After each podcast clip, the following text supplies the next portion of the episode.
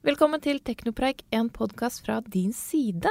Og velkommen tilbake, Pål Joakim. Takk, takk. Uh, I dag har vi med oss en helt spesiell gjest uh, her i studio. Din sides tidligere teknologiredaktør, nåværende redaktør, eh, Bjørn Eirik Loftaas. Hei, hei. Hei, velkommen. Eh, I dag skal vi snakke litt om eh, Google sin nye spilltjeneste. Google Stadia, Pål Joakim. De sier selv Google Stadia. Google de, sier, Stadia, de norske ah. Google-folka Ja. sier også Stadia, så Ja. jeg tror det er riktig. Google Stadia. Ja. Ok. Uh, Google Stadia, uh, hva er det?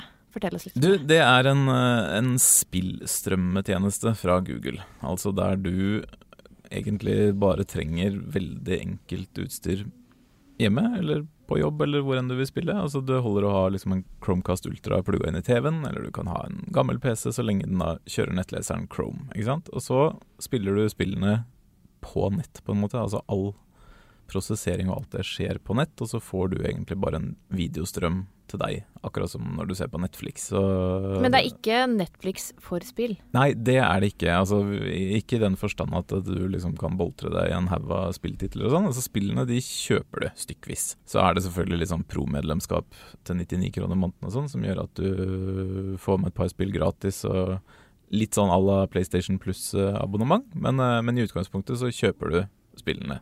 Og dette er ordentlig spill, ikke sånn Candy Crush-tullespill.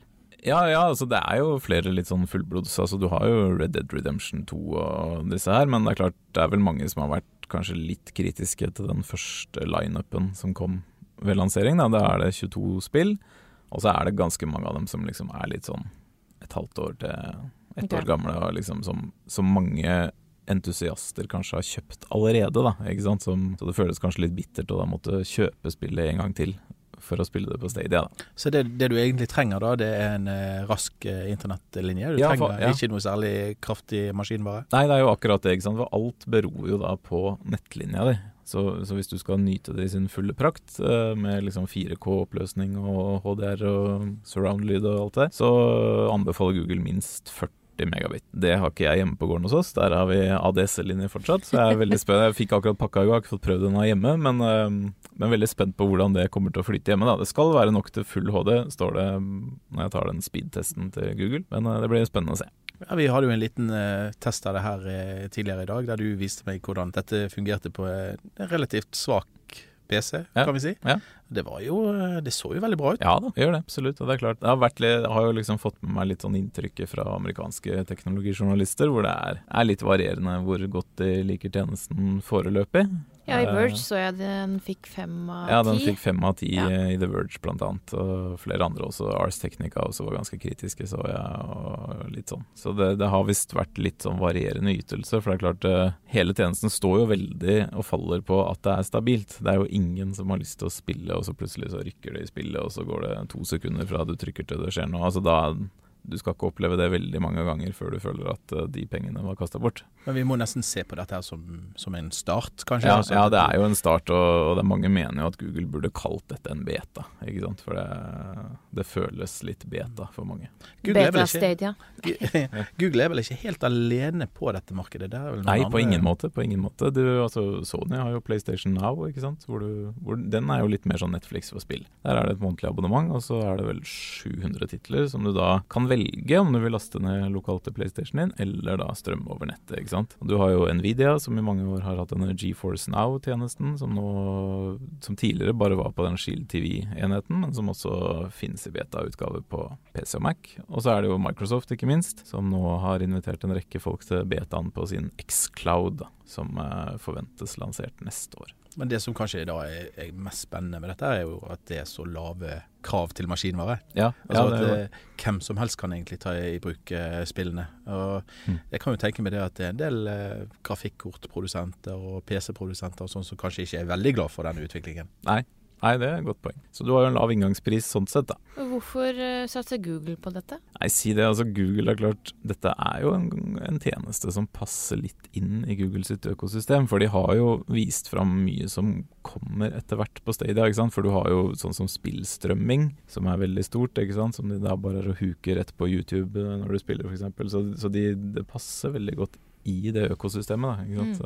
Mm. Ja, så det, det, henger jo sammen med ja, strategien til Google om at uh, ting skal flyttes i, fra lokal mm. og ut i nettskyen. Mm. Så, så, sånn sett er det vel ganske naturlig at de vil uh, gå den veien òg. Ja. Det blir spennende å se hvordan uh, konkurrentene kommer til å, å, svare på dette. her. Ja, og ikke minst kan jo, kan jo tenkes at dette her er med på å presse prisene nedover, f.eks. På de forskjellige mm. spillene og tjenestene.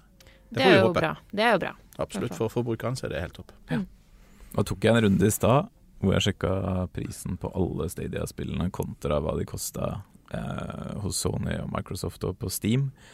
Eh, og da var det bare tre av de 22 spillene som Google var billigst på. Altså. Mm. Og de var dyrest på flere av dem også.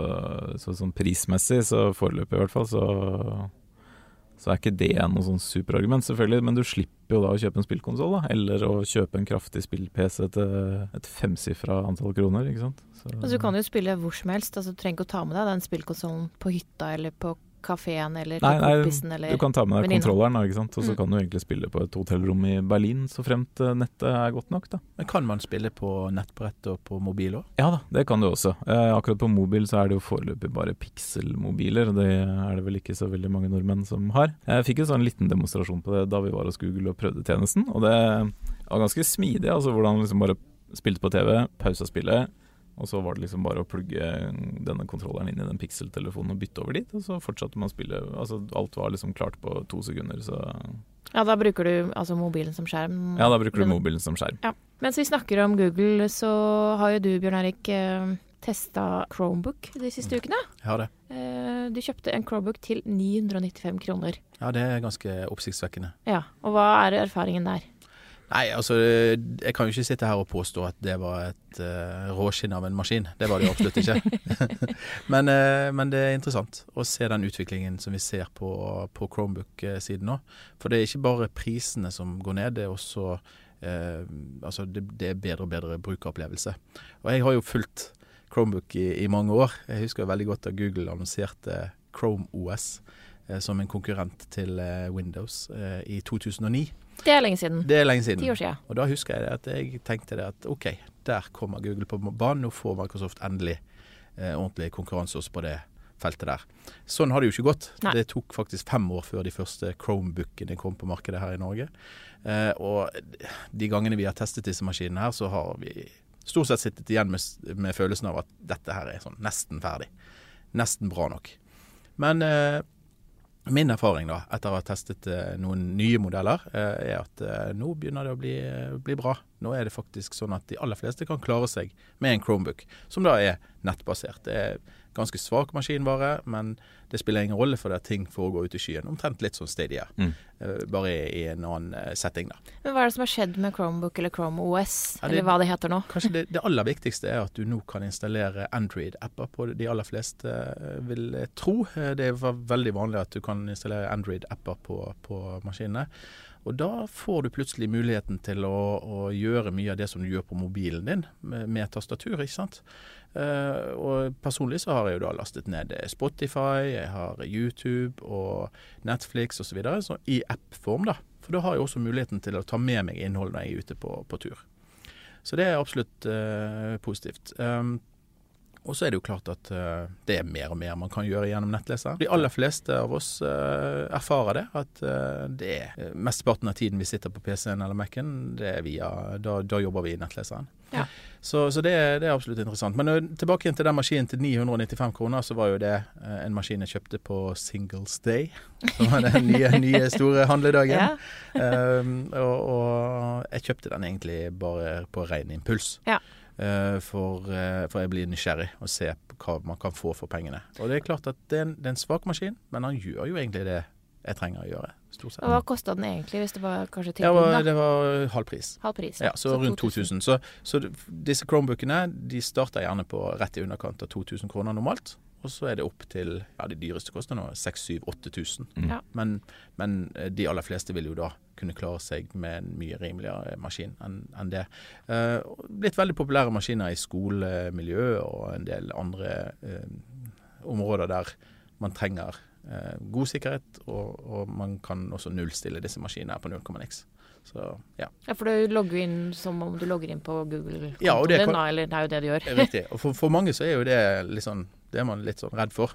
Ja. Eh, skal Google da få vite alt jeg gjør på datamaskinen? Ja, det så jeg kommentar Du skrev en kommentar om det her, og det var vel en leser som eh, sendte at ja, da, all, all pornosurfinga di går rett til Google. eh, Eller ja, du gir fra deg alt, da.